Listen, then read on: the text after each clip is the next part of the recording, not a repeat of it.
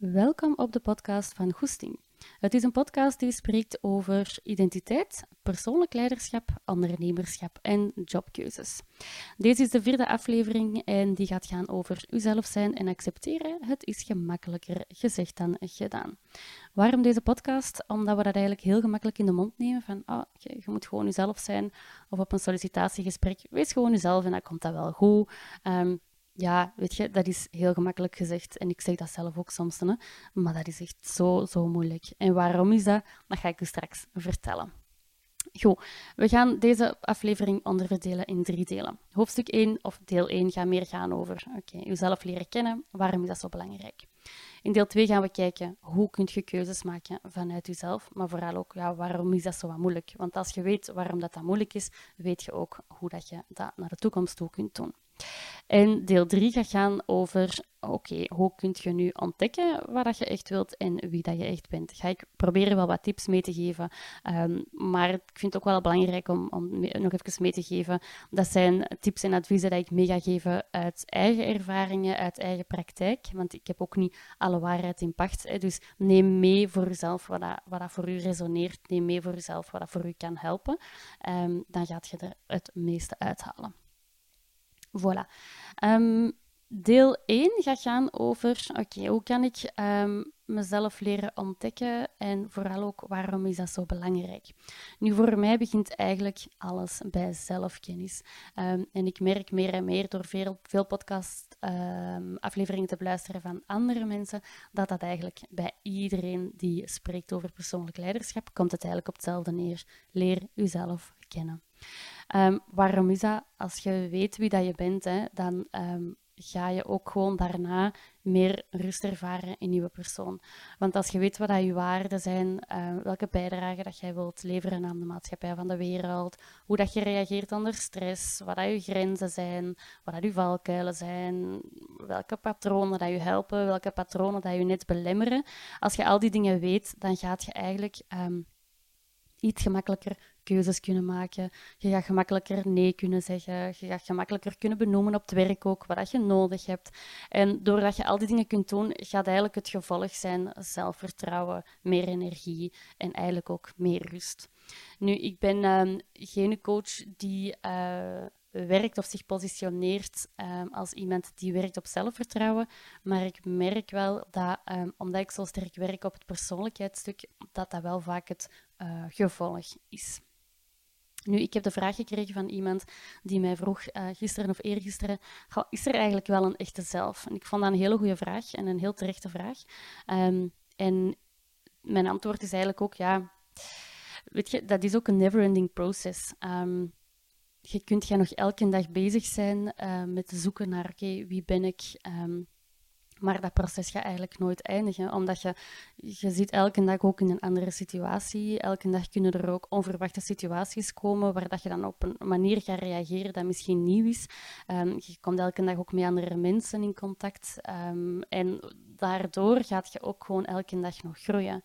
En als je nog elke dag gaat groeien, gaat dus ook gewoon je proces van jezelf leren kennen elke dag nog groter en groter worden. En dat is eigenlijk maar goed ook, hè, want jezelf leren kennen is ook gewoon superleuk. Maakt het leven ook gewoon best wel boeiend um, en uitdagend. Want als je op voorhand al perfect weet wie dat je bent, hoe dat je moet reageren in bepaalde situaties, eerlijk, dan zou het ook gewoon maar saai zijn. Oké, nu, hoe weet je wie dat je authentieke zelf is? Of hoe weet je of je helemaal jezelf bent? Dat is ook een vraag die ik heb gekregen. En volgens mij is dat ook niet echt iets cognitiefs, maar is dat eigenlijk iets dat je voelt. Dat is zo'n beetje um, als dat je zoekt naar je eerste liefje of zo. Um, vaak denk je van, oh ja, ik denk dat ik verliefd ben. Of ja, is dat nu eigenlijk zo? Maar dat voelde eigenlijk gewoon. Als het juist zit, dan voelt je dat.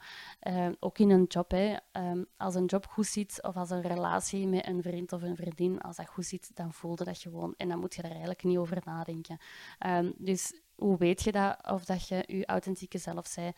Ik denk dat daar de eerste stap gaat zijn. Leer voelen en leer stilstaan bij wat je voelt. Goed, daar gaan we later nog op terugkomen. Nu ja, nog een andere vraag ook van ja, is zelfkennis te ontwikkelen? Dat hangt er een beetje vanaf. Ik denk dat het belangrijk is um, als je bereid bent om jezelf in vraag te stellen en als je bereid bent om ook in de spiegel te kijken, dan gaat je dat echt kunnen ontwikkelen. Ehm, maar ik ga nu wel al meegeven, dat is wel de hard way. En ik geef toe dat ik dat zelf ook niet altijd gemakkelijk vind. Hè. Ehm, ik ben er elke dag mee bezig in, in mijn werk, maar naast dat werk is er ook wel een persoon. Um, het is gewoon soms moeilijk om dingen te ontdekken bij jezelf. En waarom is dat moeilijk? Ja, omdat dat gewoon soms confronterend is. Omdat er ook soms emoties gaan zijn die dat je niet zo goed kunt plaatsen of die dan nieuw zijn. En um, bij mij is dat bijvoorbeeld... Um, ik heb zo een, een lange tijd in bepaalde situaties, maar dat is dan vooral met Dominique Dominique is mijn verloofde trouwens. In bepaalde situaties voelde ik dat ik eigenlijk heel defensief reageerde. En ik heb me altijd afgevraagd, nee, dat is niet zo raar, dat is zo echt maar af en toe. En, en, en dat, dat was zo, ja, ik ging echt van, van heel neutraal naar heel defensief.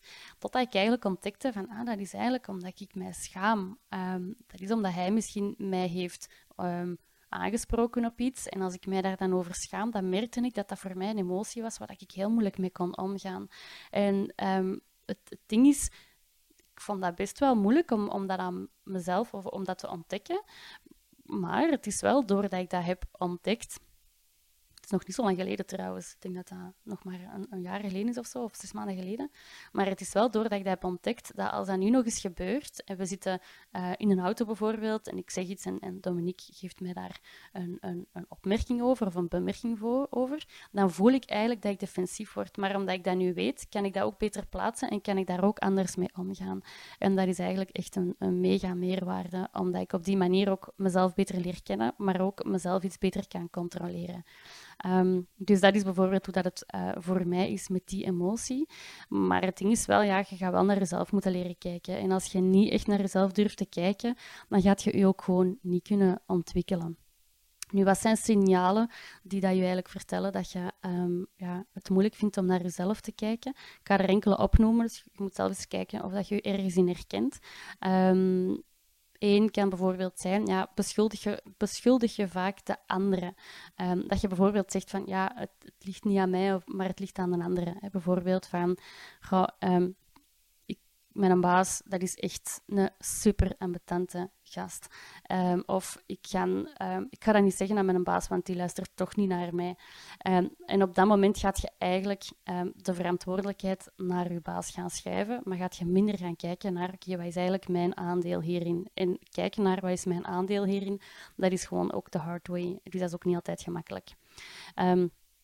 Wat ook kan zijn, is um, als je vaak excuses zoekt of als je je vaak verantwoordt. Dat zijn ook signalen um, dat je het moeilijker vindt om naar jezelf te kijken. Of bijvoorbeeld dat je soms zegt van, ja, ze moeten mij maar nemen zoals dat ik ben. Um, en dat je ook daarnaar gaat handelen. Dan gaat je ook minder rekening houden met de anderen, maar gaat je vooral gaan kijken van, ja zie, ik ben zo, leer er maar mee omgaan. Wat kan nog een signaal zijn, um, is dat je bepaalde dingen ontkent, dat je bepaalde dingen ontwijkt, um, of dat je wegkijkt als er iets wordt gezegd wat je moeilijk vindt of confronterend vindt. Um, dat zijn ook zaken. Nu, uit, uiteraard zijn er ook uitzonderingen hè, voor wie dat deze niet geldt. Maar dat zijn mogelijke zaken waaraan dat je dat kunt herkennen. Voilà, het belang van zelfkennis. Um, waarom vind ik dat nog belangrijk? Heb eigenlijk op het begin van um, mijn coachingpraktijk, ik ben nu 3,5 jaar bezig, zoiets. En op het begin werkte ik eigenlijk vooral op loopbaan. En ik ging eigenlijk met mensen kijken van oké, wat zijn uw talenten, energiegevers um, enzovoort. Maar ik ging eigenlijk daar vrij snel over en ging snel naar dat loopbaanstuk om echt te gaan kijken van oké, welke job past nu bij u en waar wilt je nu naartoe. Maar ik heb ook wel gemerkt dat door te snel naar dat jobstuk te gaan, dat ik eigenlijk, uh, hoe moet ik dat zeggen, um, dat ik eigenlijk te actiegericht was, waardoor dat een impact ook gewoon niet groot genoeg was, omdat we focusten op, um, op dat jobstuk en minder op dat echt wie ben ik stuk. En je kunt dat een beetje vergelijken. Je hebt zo die uitspraak van de pleister op de wonden. Op dat moment was, um, was ik bezig met die pleister op die wonden te zetten, maar ik merkte meer en meer dat ja, het gaat niet over die pleister, het gaat niet over die job, het gaat echt eerst over, oké, maar wacht, wie zijt je eigenlijk? En zo ben ik de laatste jaren veel meer gaan specialiseren in uh, persoonlijkheid en, echt die vragen uh, gaan bekijken. Oké, ja, wie, wie, wil ik eigenlijk zijn in deze maatschappij en waar wil ik eigenlijk voor staan als persoon? En ik merk dat hoe meer dat ik ben gaan focussen op um, dat wie ben ik stuk en, en wie wil ik zijn stuk en heel dat stuk rond persoonlijkheid. Ik ga daar straks ook nog iets over vertellen. Um, hoe gemakkelijker dat ik merkte dat mijn klanten hun keuzes konden maken. En eigenlijk nog beter, hoe meer dat ik merkte dat ze eigenlijk mij voor dat jobstuk niet meer nodig hebben. Um, dat klinkt misschien heel bizar, um, maar ik, ik, merk nu vaak zo in, in, in, op het einde van ons traject dat we eigenlijk nog zo weinig over op dat werk hebben gesproken en dat ze mij op het einde zeggen van, eigenlijk wil ik nog zo wat meer over mezelf ontdekken, omdat ik ja, hoe meer ik over mezelf ontdek, hoe gemakkelijker dat ik eigenlijk wel, wel weet wat ik nodig heb. En zeggen ze zelfs op het einde, ik weet eigenlijk wel wat ik nodig heb. En dat is, ik ben altijd blij dat ze dat zeggen, want dat wil ook gewoon zeggen dat dat proces van, van persoonlijke ontwikkeling ook gewoon echt op gang is. Um, en dat is eigenlijk um, ook een van de redenen waarom dat ik echt gemerkt heb hoe belangrijk dat zelfkennis is. Um, hoe doe ik dat bij mezelf, um, die, die eh, mezelf nog leren ontwikkelen? ik denk dat dat voor mij iets is waar ik sinds een, een, aantal jaren echt dagelijks bij stilsta. Ik kan daar straks ook nog wel iets meer over vertellen. maar ik stel mezelf heel vaak de vraag: waarom doe ik dit? Of waarom wil ik dit doen? Of ook in een situatie, oké, mensen verwachten misschien van mij dat ik nu X ga doen, maar wil ik dat eigenlijk wel of niet? En dat heeft mij enorm hard geholpen om uh, mezelf beter te leren kennen. Ook als ik een emotie had, bijvoorbeeld mijn voorbeeld van, van schaamte, ja, waarom word ik nu eigenlijk defensief? Waarom word ik nu eigenlijk boos? En op die manier, dat heeft mij dat enorm geholpen. En ik merk ook sinds dat ik mezelf ook iets beter heb leren kennen, ik ben er nog niet zo pas op, maar sinds dat ik mezelf wel beter heb leren kennen, heb ik ook gewoon veel meer rust ervaren als uh, persoon. En heb ik eigenlijk ook wel meer zelfvertrouwen gekregen. Dus dat is eigenlijk wel heel leuk. En daarom wil ik dat ook met jullie delen. En waar, daarom vind ik ook gewoon deze aflevering uh, zo belangrijk om, um, om die te doen. Voilà, dat was een stukje over het belang van zelfkennis. Nu, um, waarom is het zo moeilijk om keuzes te leren maken vanuit wie dat je zei? Of waarom is het zo moeilijk om te zijn wie dat je?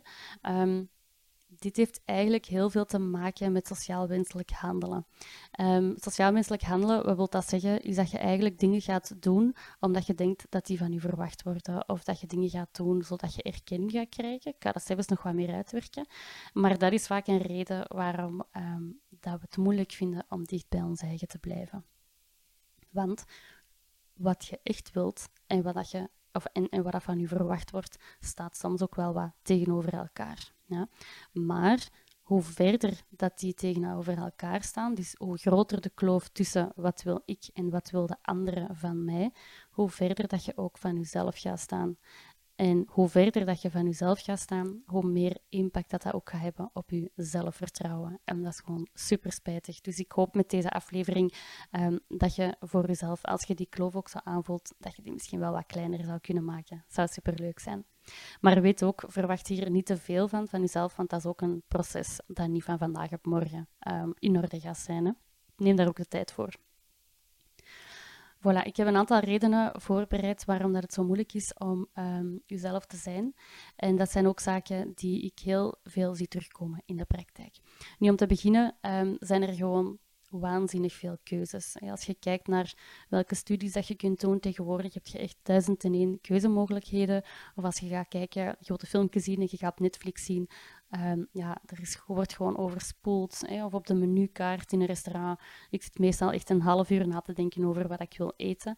Um, en dat is gewoon soms heel moeilijk. En het is ook gewoon hoe meer keuzes dat er zijn, hoe moeilijker dat het is om te weten wat je echt wilt. En dat pad ook te blijven volgen. Omdat je de hele tijd het gevoel kunt hebben van oh nee, ik heb nu, ik heb nu dat besteld, maar ja, wie, wat als er ander eigenlijk lekkerder was? Of ja, ik heb nu psychologie gekozen als studierichting, of ik ben nu HR gaan doen, of ik ben nu coach geworden. Ga maar ja, stel je voor dat je trainer ook wel leuk had geweest, of um, dat communicatie ook wel leuk had geweest. En daarom is het gewoon moeilijk en is het soms ook de reden waarom dat we um, blijven twijfelen voor bepaalde zaken. Nu, wat heeft daar nog een impact op, is um, het veel besproken um, sociale media gebeuren. En um, dat is omdat we ook op sociale media, maar ook op andere uh, kanalen eigenlijk wel vaak onszelf vergelijken met een onrealistisch ideaalbeeld. En als we ons gaan vergelijken met een onrealistisch ideaalbeeld, ja, dan wordt het ook gewoon moeilijk om jezelf te accepteren. Um, maar dat ideaalbeeld dat bestaat ook gewoon niet. En in de media zien we heel vaak lachende gezichten, gelukkige mensen. Um, maar dat plaatje is ook niet altijd echt. Hè. Um, het, lijkt vaak alsof dat alles goed is. En ja, als het lijkt alsof dat iemand anders het goed um, heeft en, en je hebt zo echt een, een hele moeilijke dag, een shitty dag, ja, dan voelt je je ook gewoon minder of hebben zoiets van, ah, ik, ik wil dat niet voelen of ik wil ook gelukkig zijn en dat is niet oké hoe dat ik mij nu voel. En dat is eigenlijk heel zonde, um, want het is niet altijd waar wat je ziet op sociale media. Weet ook dat mensen op sociale media zelf kiezen wat ze daarop zetten. Hè. Ze gaan zelf kiezen um, wat ze daarop zetten, waar dat ze zich goed bij voelen. En Um, zelf ook, al zijn dat zaken die dat de keerzijde zijn van de medaille. Ik merk dat bij mezelf ook. Hè. Ik probeer op sociale media zo eerlijk mogelijk te zijn over um, hoe dat ik mij voel of over een bepaalde situatie of waar ik het moeilijk mee heb. Maar dat is wel zo. Je kiest nog altijd wel zelf wat je daarop zet. Um, ik vind wel dat er tegenwoordig al iets meer, of veel meer eigenlijk, eerlijke sociale media is. En ik vind dat echt keitof. Dus als je voelt bij jezelf van, ik wil hier eigenlijk iets opschrijven, maar ik weet niet um, hoe dat andere mensen dat gaan perciperen, of misschien niet dat zo te open, gewoon doen. Um, want dat gaat heel veel mensen helpen. Eerlijke sociale media gaat heel veel mensen helpen, sowieso. Maar dus dat is ook een reden waarom dat we soms wel onzeker worden, omdat we denken dat een andere het gelukkigste is. Ik merk dat eigenlijk bij mijn klanten ook. Ik heb um, heel vaak mensen die um, zeggen van, ah, oh, maar die persoon die inspireert mij, die heeft echt het perfecte plaatje en die heeft het perfecte leven. Um, ik hoor dat dan. Maar aan de andere kant zijn dat misschien mensen die ik ook uh, in aanraking mee ben gekomen, op welke manier dan ook, privé of op het werk. En dan merk je ook, ja, dat zijn ook maar mensen. Hè? Die hebben ook hun onzekerheden en die hebben ook hun twijfels en die weten ook gewoon soms niet zo goed wat dat ze moeten doen en, en, en welke keuzes dat ze moeten maken. Maar dat zien we gewoon niet altijd, omdat we gewoon um, maar ook een stukje van onszelf laten tonen. Hè? Je hebt zo, ik weet niet of dat je dat kent, maar je hebt zo dat ijsbergmodel. En dat ijsbergmodel, dat wil eigenlijk zeggen dat je van een persoon eigenlijk altijd maar 10% ziet. Hè. Dus stel dat je met mij spreekt, dan gaat je 10% van mij zien. Maar onder, die, um, onder dat wateroppervlak, daar zit nog 90%. En die 90% is, wat zit echt in mijn gedachten? Wat zit in mijn hoofd? Wat zijn mijn onzekerheden? Wat zijn mijn motivaties, mijn drijfveren, uh, mijn uitdagingen enzovoort? En dat zijn dingen waar we soms wat minder over spreken. Um, maar als we daar ook meer over zouden spreken, uh, dan gaat je merken dat je um, je veel meer kunt vergelijken. Nee, niet vergelijken. Um, hoe moet ik dat zeggen? Dan kun je eigenlijk veel meer begrip hebben ook voor elkaar en voor jezelf. Maar helaas zien we dat stukje gewoon niet altijd. En ik ga daar later op terugkomen in deze aflevering, dat dat echt iets is. Praat daarover. Dus even parkeren, zeg ik nu tegen mezelf. Even parkeren, niet te snel gaan. Ik kom daar zelfs op terug.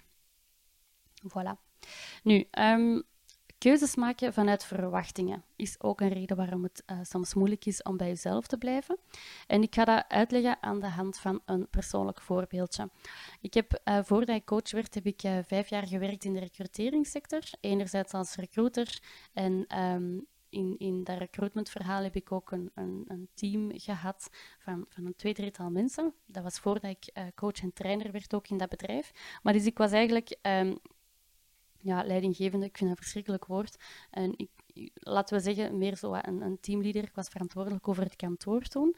En het probleem was eigenlijk bij mij, ik, ik heb dat zo'n moeilijke rol gevonden, omdat ik op dat moment, ik had een, uh, de zaakvoerder uh, van ons bedrijf, dat was iemand die een bepaalde visie had op het leidinggeven, die eigenlijk volledig haaks uh, stond op hoe ik het zou doen. Maar op dat moment, ik was, ik was echt nog maar twee jaar of zo van de schoolbankje. Ik wist eigenlijk echt totaal niks. Ik wist helemaal niet hoe dat ik moest leiding geven. Ik wist eigenlijk ook nog niet hoe, hoe dat ik dat zag, wat aan mijn visie was. Ik voelde alleen wat dat ik moet doen of wat dat hij van mij verwacht dat ik moet doen, klopt niet. En ik ben, ik ben daar ook een heel groot stuk mijn integriteit door verloren op dat moment. Om dat ik dingen moest zeggen of doen die dat eigenlijk helemaal niet bij mij pasten. Een voorbeeldje daarvan is, is dat ik heel sterk bij mijn collega's moest focussen op hun, cijfers en dan cijfers behalen. Terwijl dat ik veel meer geloofde op dat moment van oké, maar wacht, hè, hoe, hoe is u en wat gaat gewoon en wat niet. En dat ik eigenlijk die rol wou.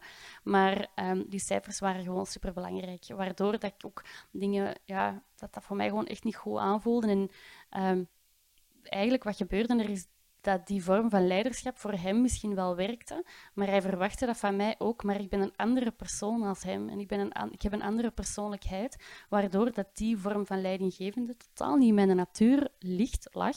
En dat dat dus ook helemaal niet goed overkwam, waardoor dat, dat voor mij echt een fase is in mijn loopbaan. Dat heeft een jaar, anderhalf jaar geduurd, maar dat ik me eigenlijk nog altijd niet goed bij voel, omdat ik daar eigenlijk iemand ben geweest dat ik echt niet wou zijn. Um, dus dat is eigenlijk één stukje. En anderzijds, ja, ik was ook recruiter en ik had altijd het gevoel dat ik in een rol zat, in een rol van sales. En want ik, had heel veel klanten in de verzekeringen en in het bankwezen. En ehm, ik merkte dat ik mij dan ook anders kleden als ik naar die klanten moest. Iets formeler dan wat ik uh, eigenlijk gewoon ben. Want ik ben eigenlijk iemand, ik hou heel erg van het informele. Hoe informeler, hoe beter dat ik me eigenlijk voel. En uh, dus de rol van sales en anderzijds ook de rol van interviewer. En doordat ik altijd het gevoel had dat ik in, in zo'n rol zat, merkte ik ook dat ik me daar eigenlijk niet zo goed bij voelde. En ik heb altijd gezegd, als ik ooit um, een eigen zaak start, wil ik echt 100% mijn eigen zijn. En ik, ik, ben toen, voordat ik mijn eigen zaak startte, ben ik ook gaan solliciteren bij een aantal bedrijven. En op een of andere manier, misschien is dat lot of zo, ik weet het niet, maar op een of andere manier kwam ik heel vaak terecht in zo'n corporate omgeving, een business omgeving, waar dat het iets formeler was. Uh, en heel veel nog met u en de achternaam. En ik merkte ook gewoon dat die interviewers ook in een rol zaten en ik kon eigenlijk nooit mijn eigen zijn. En ik merk ook dat, en dat heb ik pas achteraf beseft, want ik heb heel vaak wel in de laatste rondes gezeten, maar ik ben daar nooit doorgeraakt. En ooit heeft iemand mij ook gezegd van, ja, je vindt eigenlijk alles goed.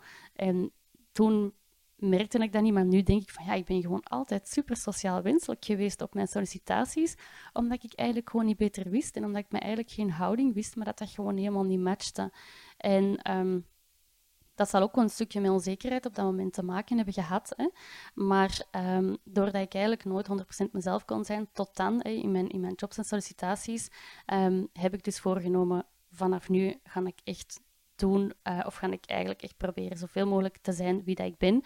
En um, ook van als ik zelf iets opstart, dan ga ik het zo opbouwen rond mijn persoon, zodat ik ook mezelf kan zijn en zodat ik ook de klanten aantrekt die kiezen voor mij als persoon en niet per se voor een gekneden versie van mij of niet per se voor een, een de, perfecte versie daarvan.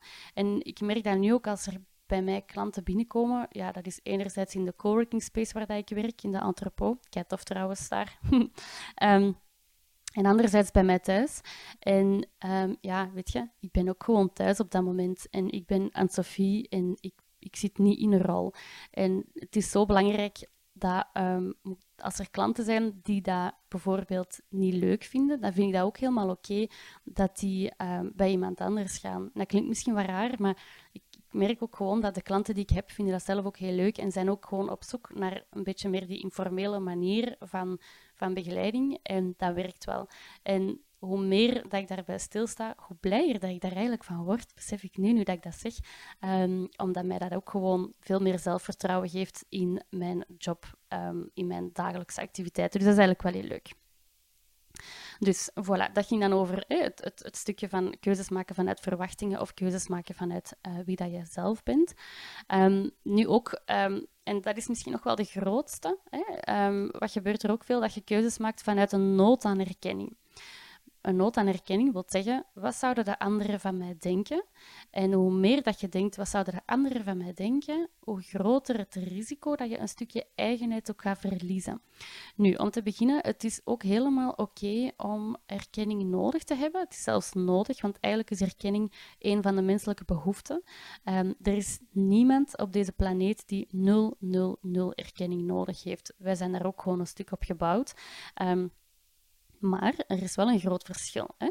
Uh, want er is ook gewoon een bepaalde grens wanneer dat, je dat het u niet meer helpt, maar wanneer dat het u saboteert. En dat is eigenlijk wanneer dat je dingen gaat doen ten koste van jezelf om toch maar iemand anders content te maken.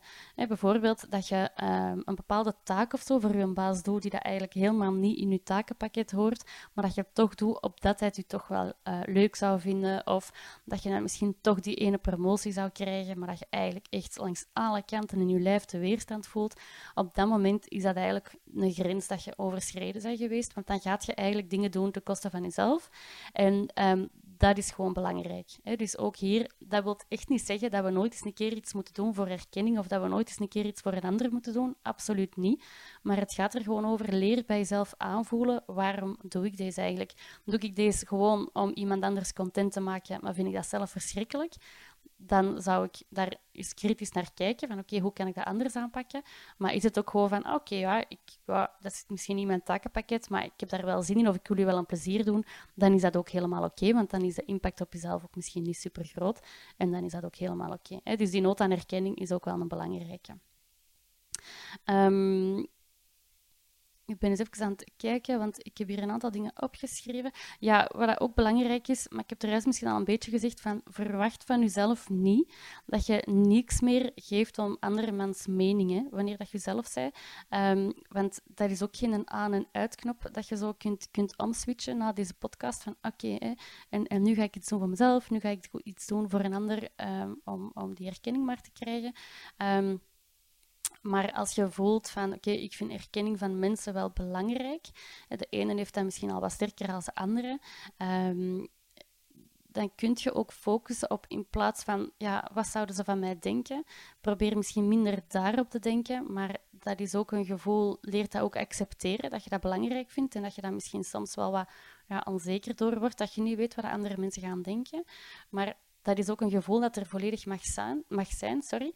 En laat dat daar ook zijn. Laat dat ook accepteren. Want hoe meer dat je dat van jezelf niet mocht voelen, hoe harder dat het als een boemerang terugkomt. Ik noem dat altijd zo, dat als een bal onder water duwen. Hè. Als je iets, een emotie of een gevoel niet wilt voelen, um, is dat als een bal onder water. Je kunt dat even onderdrukken, maar eigenlijk, je armen die worden gewoon stijf. En die bal die wil eigenlijk gewoon uit dat water springen. En als je je armen loslaat, dan komt het eigenlijk gewoon dubbel en dik naar je terug. Dus dat is eigenlijk een beetje hetzelfde. Laat je een bal um, op dat water liggen, laat die daar maar wat dobberen.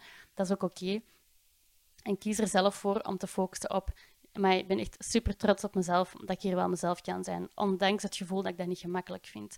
En, en daar zit het ook vaak. Hè. Waar leg je je focus op? Waar schijnt je je licht op? Ik heb ooit eens een metafoor gehoord dat iemand zei: Ik heb zo een, een uh, koplamp, of hoe zeg je dat? Allee, dat is zo'n. Uh, iedereen die dit hoort gaat zeggen: ah, dat, dat, is dat woord, maar ik kan er niet op komen. Een pritsel. Nee, een pitsel. ik weet het niet meer. Nee, een pretzel, dat is zo'n koekje. Enfin, in ieder, in ieder geval, um, en dat is zo'n lichtje op je hoofd. En die persoon zei van, ja, je hebt eigenlijk zelf de keuze waar dat je je lichtje naar schijnt. En, um, maar je moet wel kiezen. En in dit geval, probeer dat lichtje te laten schijnen op jezelf en minder op de anderen. En probeer dat te laten schijnen op jezelf vanuit, oké, in deze situatie, los van wat anderen van mij denken, ik ga proberen hierin te voelen wat ik zelf nodig heb of te spreken vanuit ehm, de mening dat ik zelf heb. En je gaat merken door ook die focus te verleggen, gaat je ook iets dichter bij jezelf komen.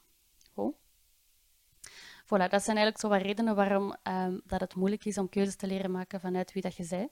Um, die redenen heb ik vooral gehaald uit, uh, uit de praktijk, die, die dat ik heel veel hoor binnenkomen. Ik ga misschien heel even samenvatten. Dus waarom is het moeilijk om um, keuzes te leren maken vanuit wie je bent?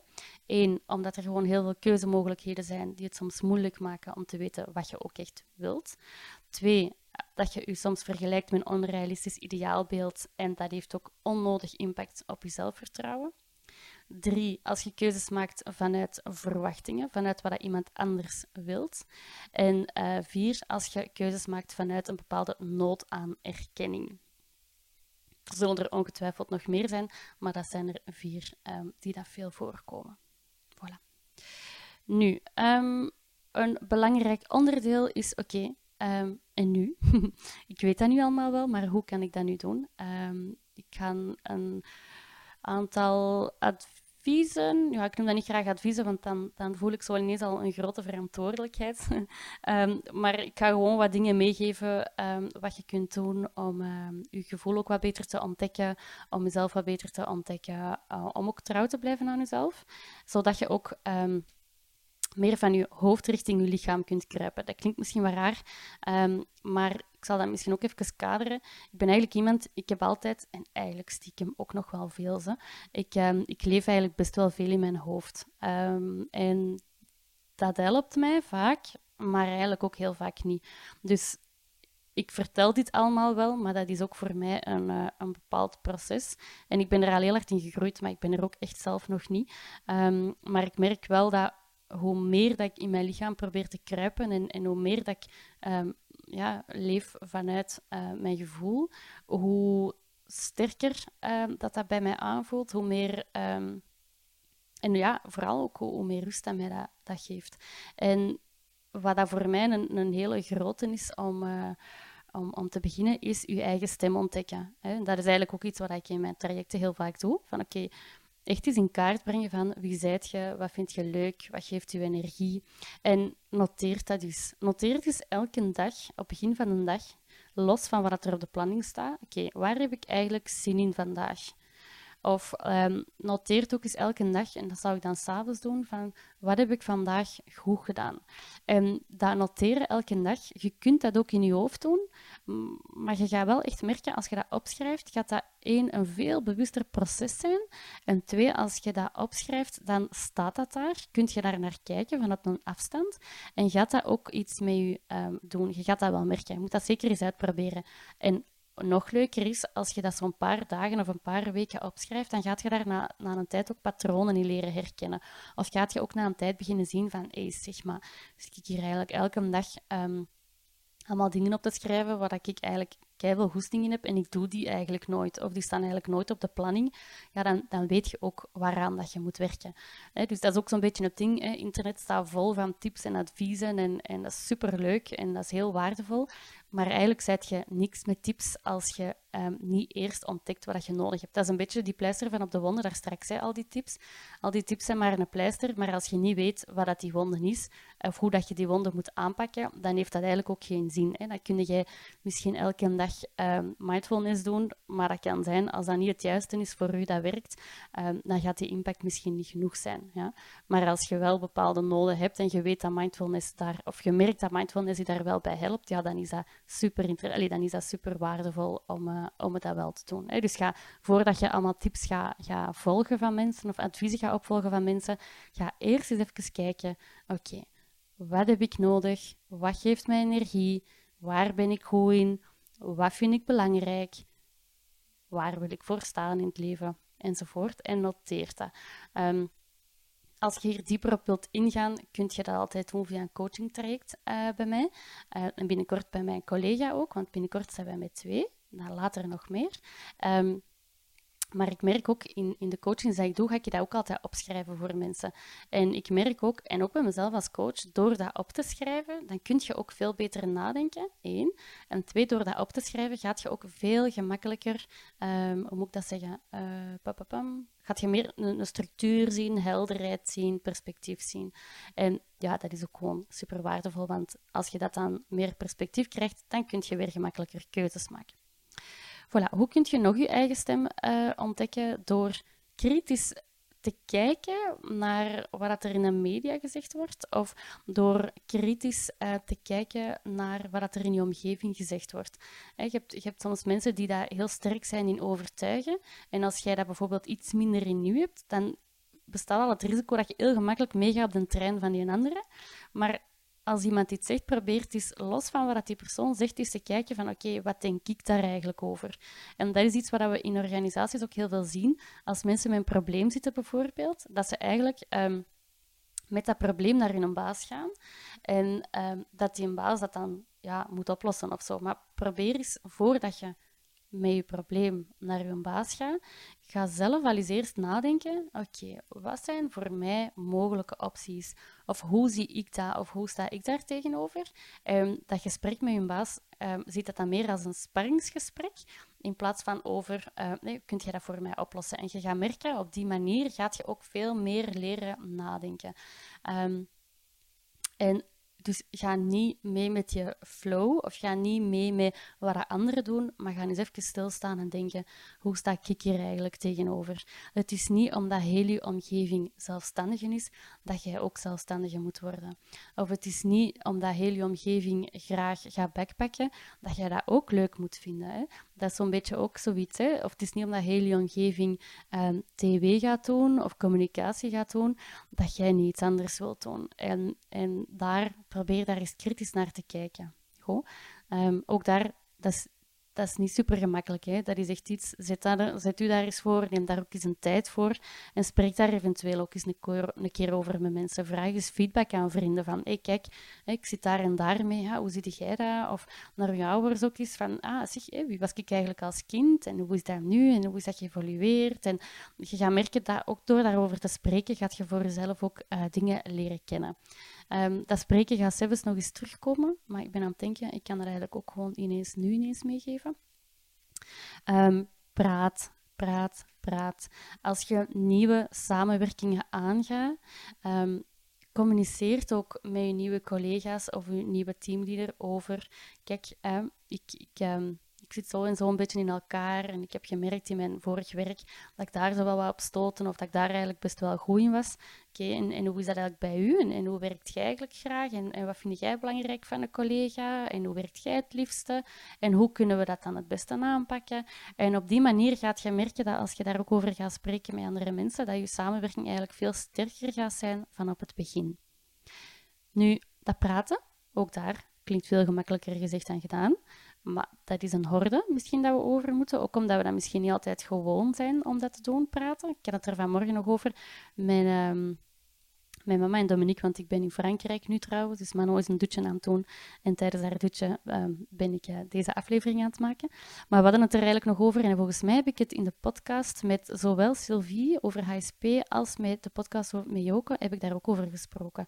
Wij zijn eigenlijk um, onze generatie, met onze generatie bedoel ik, ik, ben nu 31, volgende week 32. um, ehm, maar onze generatie, de generatie van onze ouders en, en daarvoor, zijn wij eigenlijk niet gewoon om te praten. Wij zijn niet altijd gewoon om te praten over onze gevoelens, over onze emoties, omdat dat eigenlijk vroeger um, werd dat heel veel weggestopt. Waarom? Omdat, ja, mijn mama vertelde ook van dat haar vader bijvoorbeeld eigenlijk heel weinig sprak over emoties, omdat hij in een oorlog van alles, van alles had meegemaakt.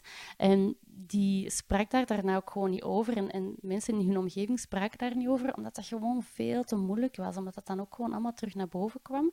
En dat is eigenlijk iets dat, dat zijpelt ook gewoon nog wel door. Maar ook in, onze, uh, in ons onderwijs.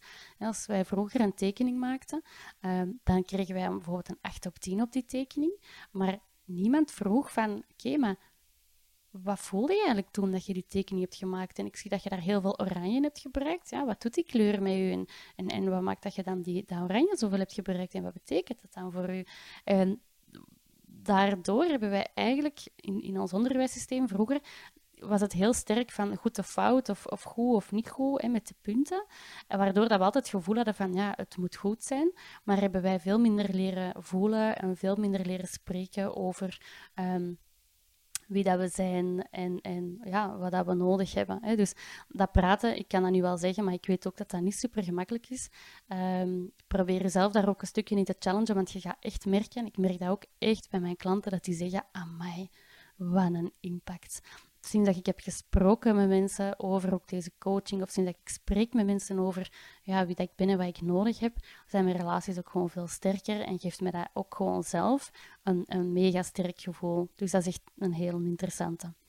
Um, ook gewoon als je nu nog in een zelfontwikkelingsproces bezig bent, um, ja, eigenlijk, dat stopt ook nooit. Dus hè, um, praat hier dan ook eens over met vrienden en familie. Want je zijt ook nog altijd jezelfde persoon. Het is niet, want ik had een vraag gekregen van iemand die zei van ja, hoe moet ik dat nu eigenlijk uitleggen aan mensen dat ik zo ineens mezelf wil zijn?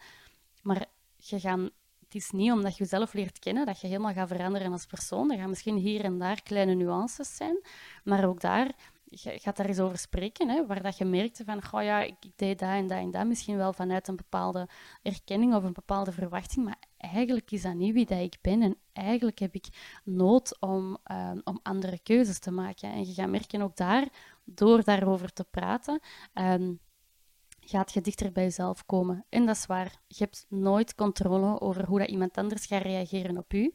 Ehm, maar dat is dan eigenlijk ook niet uw stuk. Je kunt alleen maar controle nemen over wie dat jij bent. En je kunt alleen maar ja, spreken vanuit jezelf. Dus, uh, dus voilà. Nu, um, ook ben ik aan het denken, nu dat ik dat zeg, van vraag ook feedback aan familie. Van oké, okay, ik zie deze keuze zo. Ja, hoe ziet jij dat eigenlijk? Bijvoorbeeld, ik heb zo twee, drie jaar geleden een, een hele kleine tatoeage gezet op mijn voet. Maar dat is eigenlijk echt heel klein. En toch durfde ik dat eigenlijk thuis niet te zeggen. Omdat ik dacht dat ze dat lelijk zouden vinden. Of omdat ik dacht dat dat niet oké was. En um, ja, ik zat er eigenlijk wel wat mee. En dat is eigenlijk zonde, want ik wou dat echt doen. En ik voelde mij daar super goed bij. Maar ik merk, nu heb ik dat minder. Maar dat eerste jaar, ik durfde dat eigenlijk niet te tonen aan mensen, omdat dat in mijn omgeving, ja, heel weinig mensen hebben een tatoeage. Of um, soms wordt daar ook wel over gesproken vanuit uh, ouders of zo. Van ja, zeg, wat vinden jullie nu eigenlijk van tatoeages? En alleen, ik vind dat toch, en dat blijft voor altijd op, op je lichaam. En waardoor dat dat ja, dat dat ook precies niet oké was. En um, dat is grappig, want ik heb gisteren aan tafel ook aan mijn ouders gevraagd van ja, jullie weten toch dat ik een kleine tatoeage heb, hè? En ik heb die al drie jaar. en ik zei ook van ja, en, en hoe zien jullie dat? Vind je? Hoe staan jullie daar tegenover? En um, het grappige is dat ja, mijn vader had zoiets van, maar dat maakt toch helemaal niet uit. Ja, ja, ik had dat gezien, dat maakt toch helemaal niet uit, dat is helemaal oké. En ik merk ook gewoon van, ja, doordat je dingen bespreekbaar maakt, blijft je uit je hoofd. En dat is eigenlijk ene, ik ga die nog eens herhalen, want die is zo, zo belangrijk. Als je dingen bespreekbaar maakt, blijf je uit je hoofd.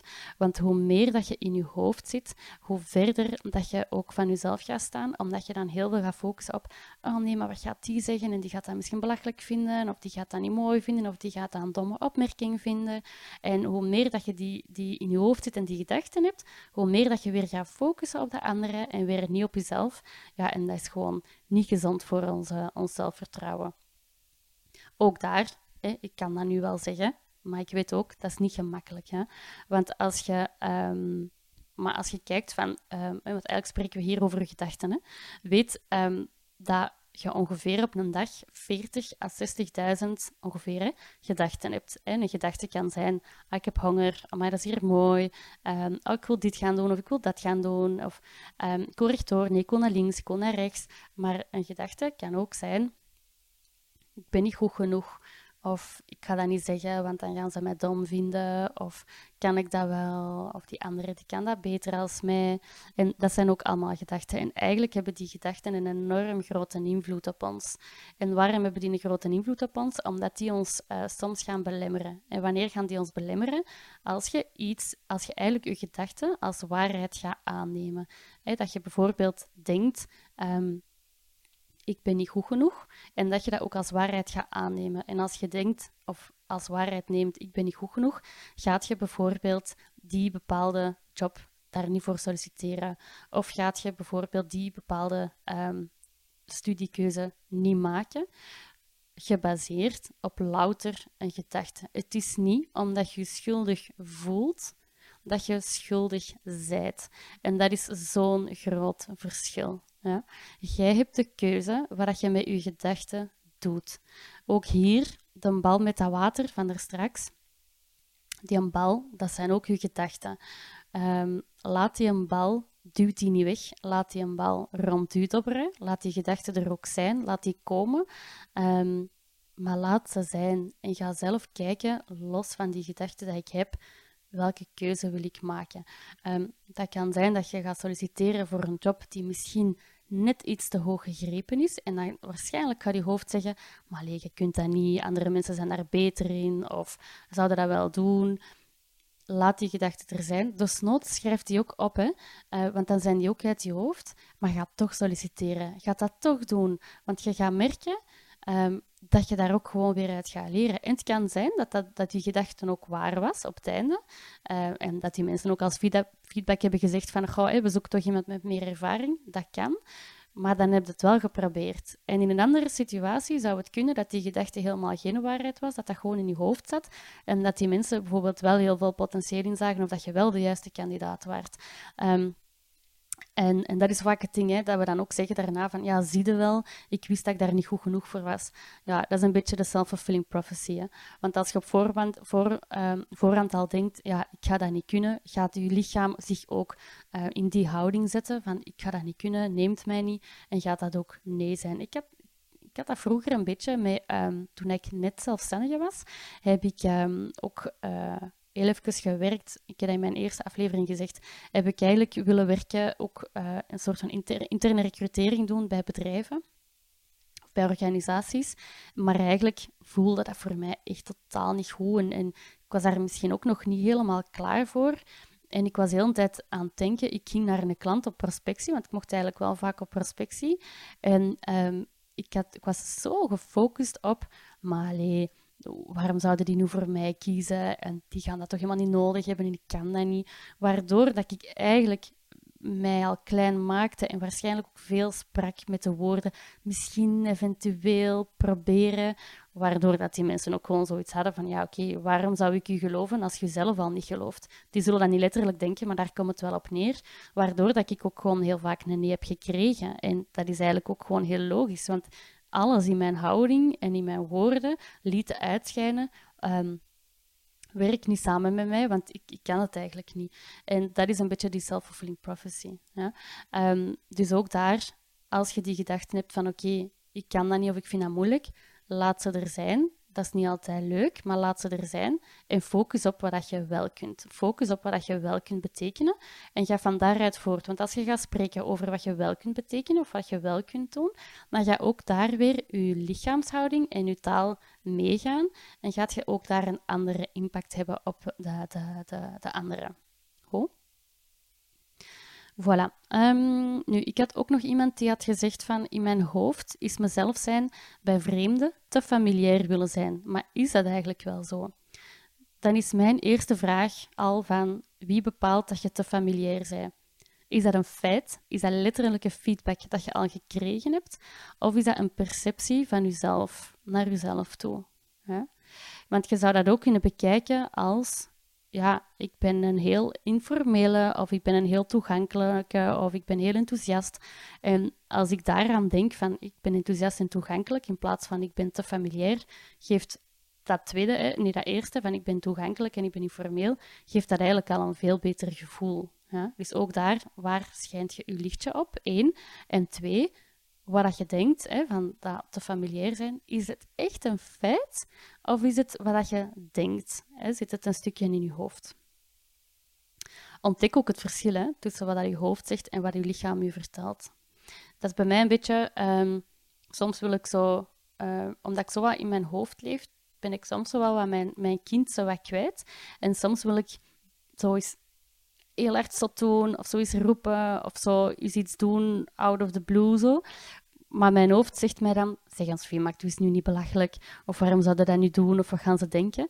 En, en dat is eigenlijk het punt waar je moet gaan kijken van, ja, ga ik dat dan doen of ga ik dat niet doen? Vroeger zou ik dat dan niet gedaan hebben, want ja, ik ga me niet belachelijk maken, ik ga dat niet doen. En nu denk ik van, oké, als ik mij belachelijk maak, dan is dat maar zo. Uh, ik vind dat niet, ik heb daar zin in en dat is ook helemaal oké. En dat is eigenlijk een kwestie van loslaten. Loslaten, dat is uh, ook een hele, hele, hele, hele belangrijke. Voilà. Um, wat dat ook helpt voor zo van een beetje van je lichaam naar je gevoel te gaan en, meer echt vanuit je eigen ik te gaan, is ook um, ga, doe eens even je ogen toe. En doe die eens toe en luister eens naar je ademhaling. Luister, luister eens of observeer eens uw hartslag.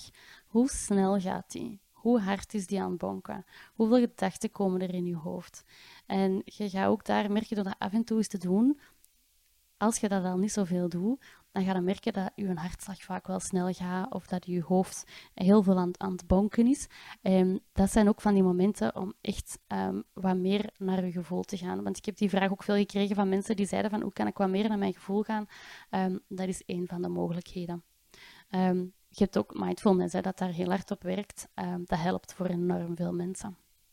Um, voilà. Nu, wat is uh, nog iets dat je zou kunnen doen om, om wat meer te ontdekken uh, ja, wie dat je zei of, of wat dat je patronen zijn? Is hoe dat je omgaat met tegenslag. Ik heb dat begin van deze aflevering, denk ik, ben ik daar ook al even over uh, begonnen en heb ik daar ook over gesproken. Als je tegenslag hebt, nu natuurlijk, ik weet ook wel, er zijn verschillende vormen van, van tegenslag. Hè.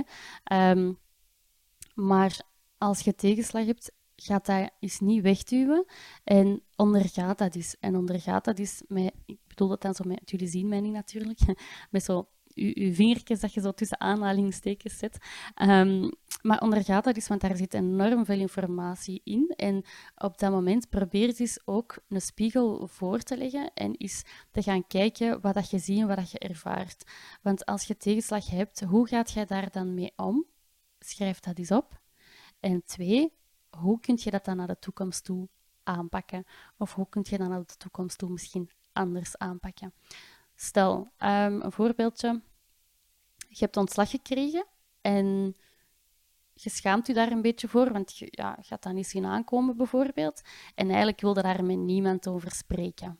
Dus je doet dat ook niet, je steekt dat wel in een doofpot en je zit eigenlijk al een paar weken of een paar maanden thuis op dat moment is het super interessant om eens te gaan kijken van, oké, maar hoe komt dat eigenlijk? Waar, heb ik dan nood aan? Of, of ja, is dat dan schaamte? Of is dat misschien een vorm van onzekerheid? Of wat is dat juist? En wat zou nu juist maken waarom dat, dat, ik het daar moeilijk mee heb? Waarom triggert mij dat nu zo hard?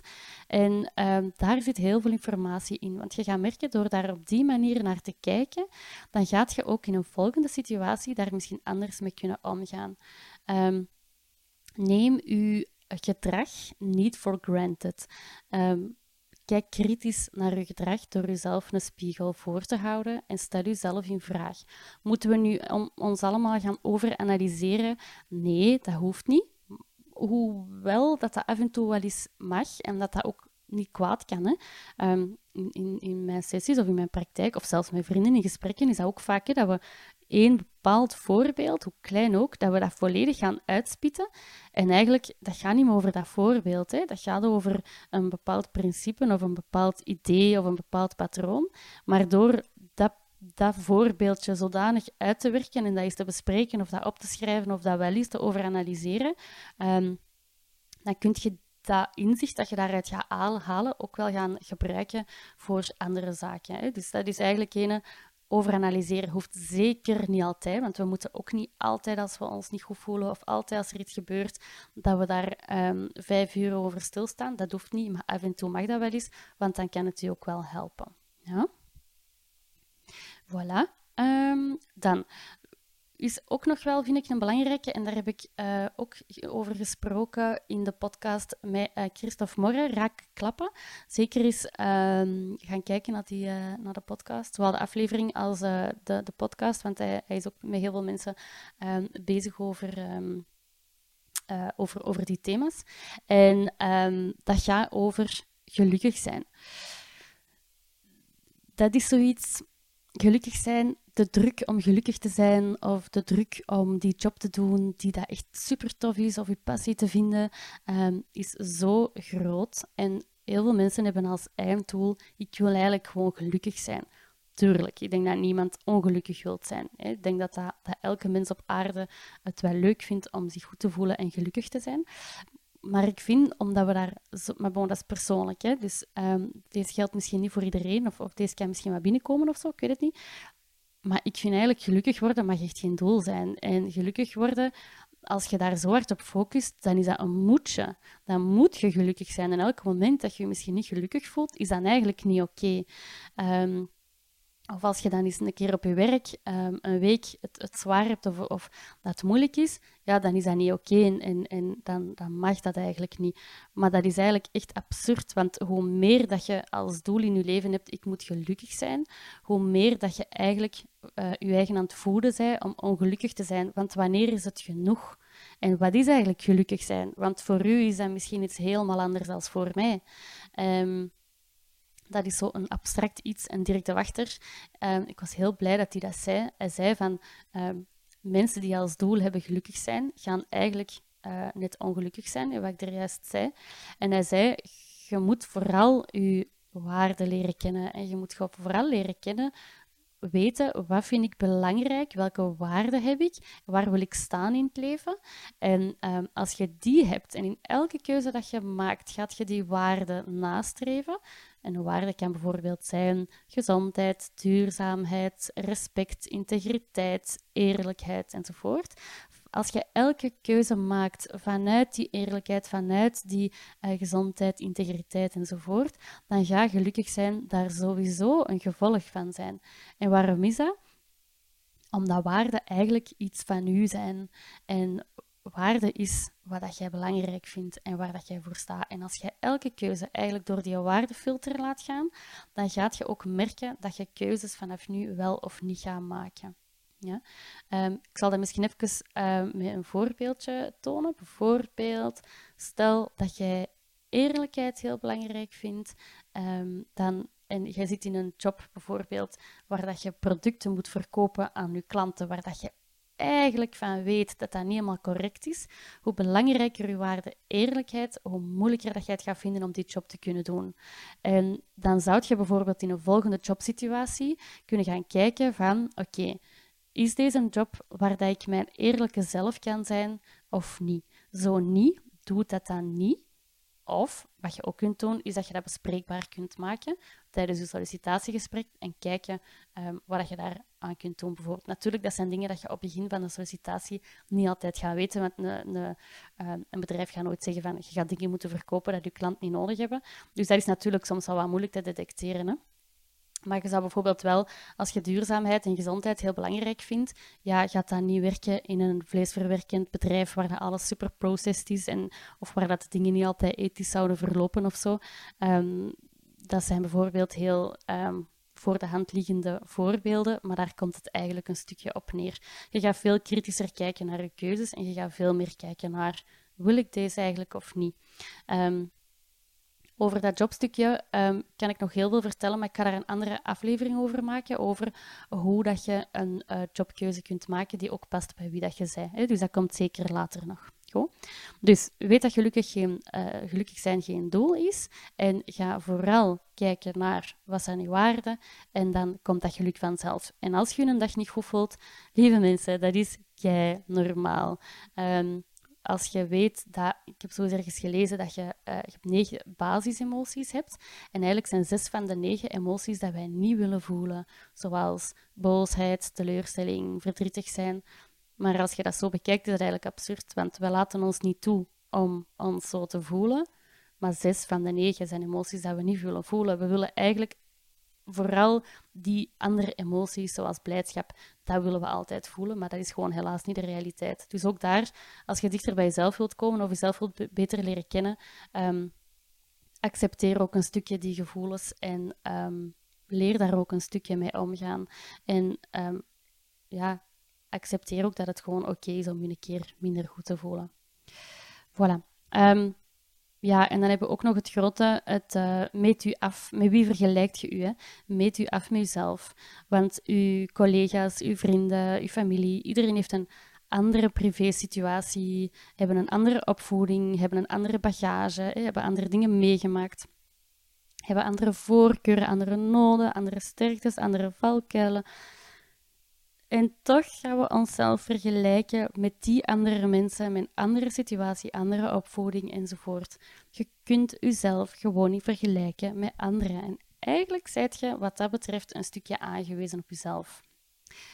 En eigenlijk is dat ook wel een good thing, want dan kun je ook focussen op: oké, wie ben ik los van de anderen? En proberen naar de anderen te kijken, niet vanuit, oh, die doet dat veel beter als mij, maar probeer te kijken naar de andere vanuit, oké, die doet dat anders als mij. Hoe kan ik daar nu uit leren? Of hoe kan die mij helpen? Of hoe kan ik hem of haar helpen? En op die manier gaat je ook merken dat je minder bezig bent met vergelijken met anderen, maar dat je veel meer bezig bent met hoe kan ik mezelf verbeteren en hoe kan ik mijn relaties verbeteren. Want weet dat enkel jijzelf controle hebt over jezelf. Wat dat de ander doet, heb je niet in de hand. Heel vaak willen we ehm, dat de ander is hoe dat wij zijn. Ik heb dat er straks over gesproken over mijn, ehm, in mijn vorige job en mijn vorige leidinggevende.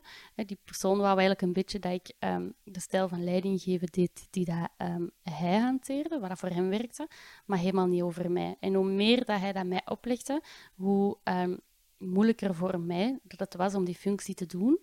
En hoe slechter dat mijn relaties met mijn collega's eigenlijk werden. En dat is gewoon heel spijtig.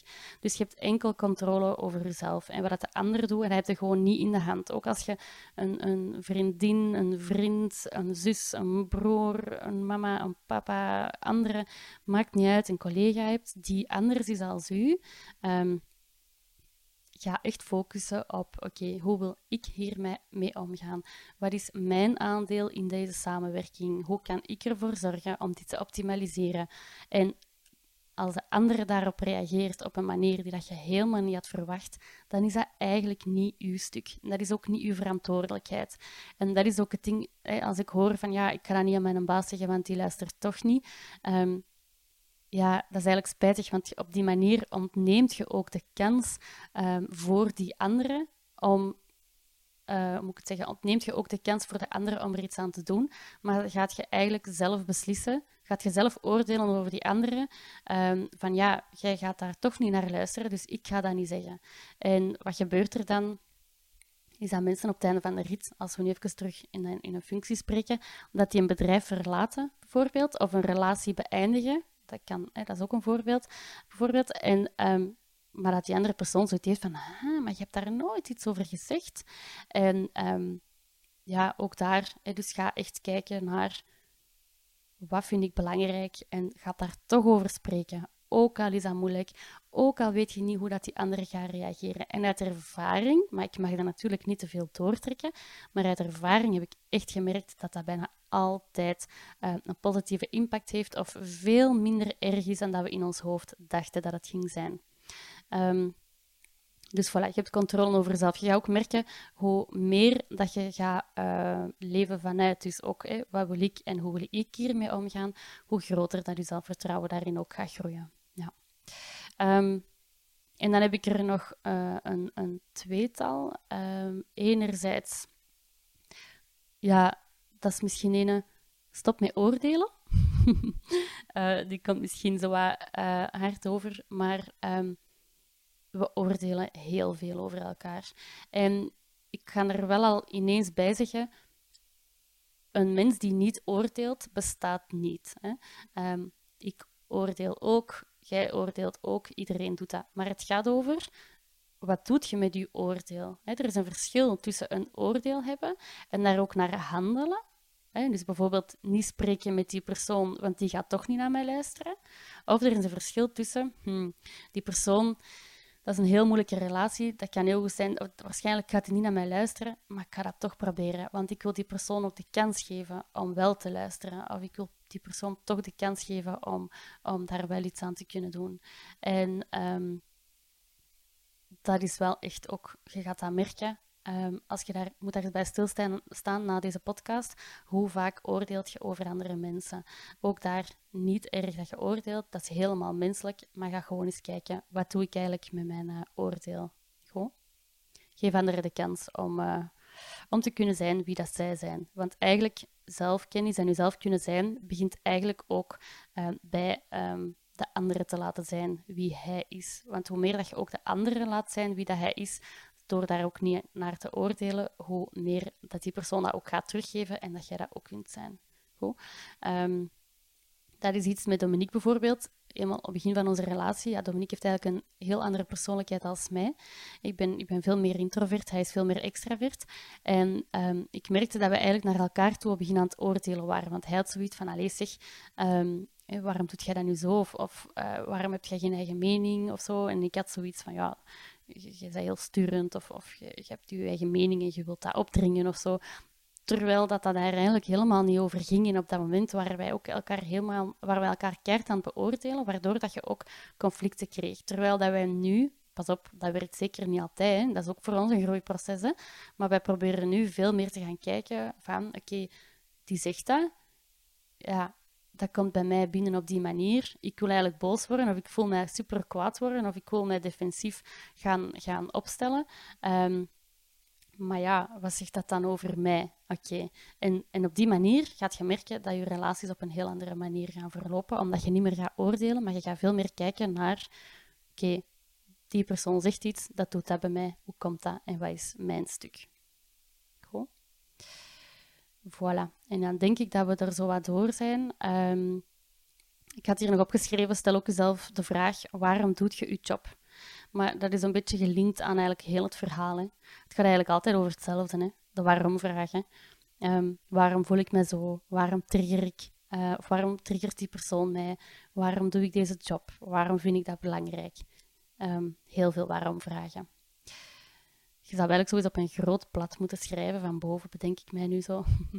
Zo'n grote waarom. En dan zet je zoiets alle onderdelen van je leven daarin. Hè. Vrienden, uh, werk, hoe dat je je, balans op vandaag hebt, uh, hoe dat je ontspanning invult en dat je daar gewoon eens altijd op antwoordt. Waarom doe ik dat? Waarom vind ik dat belangrijk? En ga je eens even, allez, het zou misschien wel eens interessant zijn um, om eens te gaan kijken wat dat je daaruit kunt halen.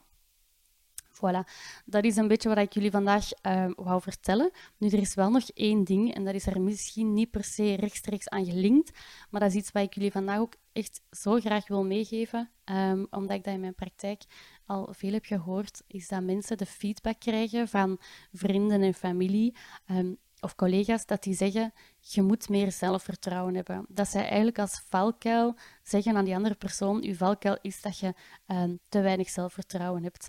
Um, daardoor gaan die mensen eigenlijk niet meer zelfvertrouwen hebben. Het is niet omdat ik aan u zeg van, zeg, je moet eens wat meer zelfvertrouwen hebben, dat jij zoiets hebt, alright, en nu voel ik mij beter en nu heb ik meer zelfvertrouwen. Integendeel waarschijnlijk. Um, probeer ik persoonlijk een, een, eh, in plaats van te zeggen van zeg, je moet meer zelfvertrouwen hebben, um, geef die eens een compliment of geef die eens feedback waar dat die echt iets mee is. Bijvoorbeeld, uh, papapam, even denken, in plaats van, ah Dominique, ik vind dat jij een goede papa zei, zou je ook eens kunnen zeggen van, mm, ik vind dat je echt uh, wacht, hè. ik ga proberen een echt voorbeeld te geven. Als hem luistert, dan gaat hem dat leuk vinden om te horen. um, nee, ik zou bijvoorbeeld dan zeggen van, ik vind dat echt waanzin dat als jij met Manuel bezig bent, dat je eigenlijk heel de wereld even loslaat. Heel een boel naast je kan ontploffen, maar jij bent echt met Manon bezig en um, zij telt gewoon. En dat is volle aandacht. En um, je merkt dat dat voor dat kind dat dat echt een mega impact heeft. Dat hij daar echt gewoon keihard in floreert. Als ik dat zou zeggen, of ik zou zeggen, je bent een goede papa, is dat voor hem een heel groot verschil. Van dat tweede, nee, van dat eerste, sorry, hè, dat concreet voorbeeld, gaat hij zelfvertrouwen krijgen in zijn rol als vader. Maar dat ander, dat gaat er eigenlijk niet veel aan, aan, aan bijdragen. Of als ik zeg van, je zou meer zelfvertrouwen moeten hebben als vader, want je doet dat goed, bijvoorbeeld, daar heeft hij eigenlijk niks aan, want dan gaat hij meer de vraag stellen van, oei, doe ik dat dan niet goed? En, dat... en dan begint die malle molen eigenlijk te draaien. Of als je bijvoorbeeld een vriendin hebt dat je wel apprecieert, of een collega dat je apprecieert, vertelt die eens waarom dat je die apprecieert. Van, oh, ik vind het eigenlijk echt super tof um, dat jij zo luistert naar mij, of dat je die details echt onthoudt en, en dat je me daar ook echt vraagt hoe dat met mij is. Of um, ja, ik, ik, vind het echt bewonderenswaardig hoe, hoe sterk dat jij zei in, in, in, in, analyseren en verbanden leggen of in brainstormen. En, en op die manier gaat die, gaan die mensen echt zo hebben alright, kijk, tof, ja, dat is eigenlijk wel. En gaat u dat ook gewoon heel veel energie geven. Dus die wou ik op het einde nog heel graag meegeven, omdat dat iets is dat ik zoveel tegenkom, um, dat mensen als feedback krijgen... Um, en als je mensen wilt helpen om, om sterker te worden of meer zelfvertrouwen te krijgen, um, doe dan bij die anderen wat jij ook leuk vindt. En dat is concrete uh, feedback geven. Dus voilà. Zo, ik ben ehm, mijn drie uh, delen zelf leren ontdekken, of het belang van zelfkennis. Twee, waarom is het zo moeilijk om jezelf te zijn en daar ook keuzes uit te maken. En drie, een beetje meegegeven um, hoe dat je dat allemaal kunt doen en hoe dat je meer kunt leven vanuit de ik. Um, ik uh, hoop echt ten harte dat jullie er een aantal zaken hebben kunnen uithalen. Misschien niet alles, hè, want deze zijn zaken, verschillende zaken die misschien niet voor iedereen werken, maar haal er voor jezelf uit wat dat voor u helpt en wat dat u resoneert. Soms is het zelfs beter om na vandaag om er één dingetje uit te halen en dat echt uit te werken. En bijvoorbeeld opschrijven of daarover praten met mensen. Dat je er één uithaalt en dat je daar echt op werkt. Dus probeer zeker niet alles te onthouden, maar pak er eentje uit. Goed? Voilà. Um, ik ben eigenlijk heel blij dat ik deze aflevering heb gedaan, omdat um, ja, het is een beetje mijn stokpaardje. Hè. Um, uzelf zijn. En uh, als je daar meer over wilt weten, je mocht mij altijd contacteren. Je mocht altijd een mailtje sturen naar... Uh, nee, of nee, ga maar naar mijn website, dat is misschien gemakkelijker. www.rise-hr.be um, Wat je ook kunt doen, is dat je uh, als je jezelf beter wilt leren kennen, is meedoen aan de webinar. Ik doe um, nu in juli nog een webinar en dan in, uh, even denken, na de zomer ga ik er nog één doen. En dat is eigenlijk een webinar om jezelf beter te leren kennen. Eén, wie zet je als uh, niemand kijkt? Twee, wie zet je in dagelijkse omgang? En drie, wie zet je onder stress? En we gaan dat eigenlijk ontdekken aan de hand van een persoonlijkheidstool en die noemt Lumina Spark. Ik vind dat echt een waanzinnige, interessante tool. Um, voor mij was dat ook iets heel eye-opener. Was dat echt een grote eye-opener geweest. Uh, ik heb dat nu twee, drietal jaar geleden gedaan. Ik ben er ook, doe dat ook bij heel veel klanten. En um, hoe zit die webinar in elkaar? Als je je inschrijft, dan gaat je eigenlijk een link krijgen um, meteen na je inschrijving, waar dat je eigenlijk een vragenlijst kunt beantwoorden. Dat zijn 144 vragen, ja, als ik me niet vergis. En um, voordat de webinar-sessies in groep starten, ga ik u een aantal een link sturen met een aantal video's dat je kunt bekijken. En dan kun je je profiel, krijg je ook, en kunt je dan volledig doorlopen, zodat je ook al de, de resultaten een stuk kunt interpreteren. En dan gaan we in twee groepsessies eigenlijk daar rond gaan werken. In de eerste sessie gaan we werken rond, um, oké, hoe kun je die resultaten interpreteren? Wat, wat zijn dan uw sterktes, uw valkuilen, groeipotentieel? Dus je gaat vooral jezelf leren kennen. En de tweede sessie gaat meer gaan over uw uh, relaties met anderen, waar dat het soms kan mislopen, waar dat je elkaar kunt versterken. En ga ik ook een, een, heel, een stukje spreken over communicatie. Hoe kun je eigenlijk je communicatie optimaliseren? Dat is goed voor mensen die soms wat conflictmijdend zijn en willen leren hoe dat ze assertiever kunnen zijn. Maar voor mensen die soms wat schrik hebben dat ze te autoritair overkomen of soms wat te hard overkomen, is het ook een enorm goede tool om um, dat ook op een laagdrempeligere uh, manier te doen. Hè. Dus dat is eigenlijk uh, meer het, tweede stuk is meer een, uh, het stuk over relaties en communicatie. Dus voilà, als je wilt um, meedoen, dan kun je ook op mijn website de link vinden en dan kun je daarop inschrijven. Dat noemt Lumina Spark Webinar. De volgende is trouwens 9 en 16 juli. Voilà. Um, vond je deze aflevering interessant? Ik hoop het. Um, deel hem dan zeker via Instagram, omdat dat voor mij een beetje het kanaal is waar dat ik um, ja, deze podcast ook wil verspreiden. En mijn bedoeling met deze podcast is vooral meer mensen helpen om zichzelf te leren kennen um, en ook keuzes te maken vanuit wie dat zij zijn als persoon. Dat is eigenlijk een beetje mijn missie. Mijn, of mijn ideale wereld, zeg maar, is de wereld waar iedereen zichzelf kan zijn. En deze podcast is daar een groot onderdeel van. Dus voilà, als je mij daarin wilt helpen, zou het super leuk zijn om te delen. Als je vragen hebt, dan laat je het zeker weten. En uh, voilà, hopelijk tot binnenkort. En merci om te luisteren. Bye bye.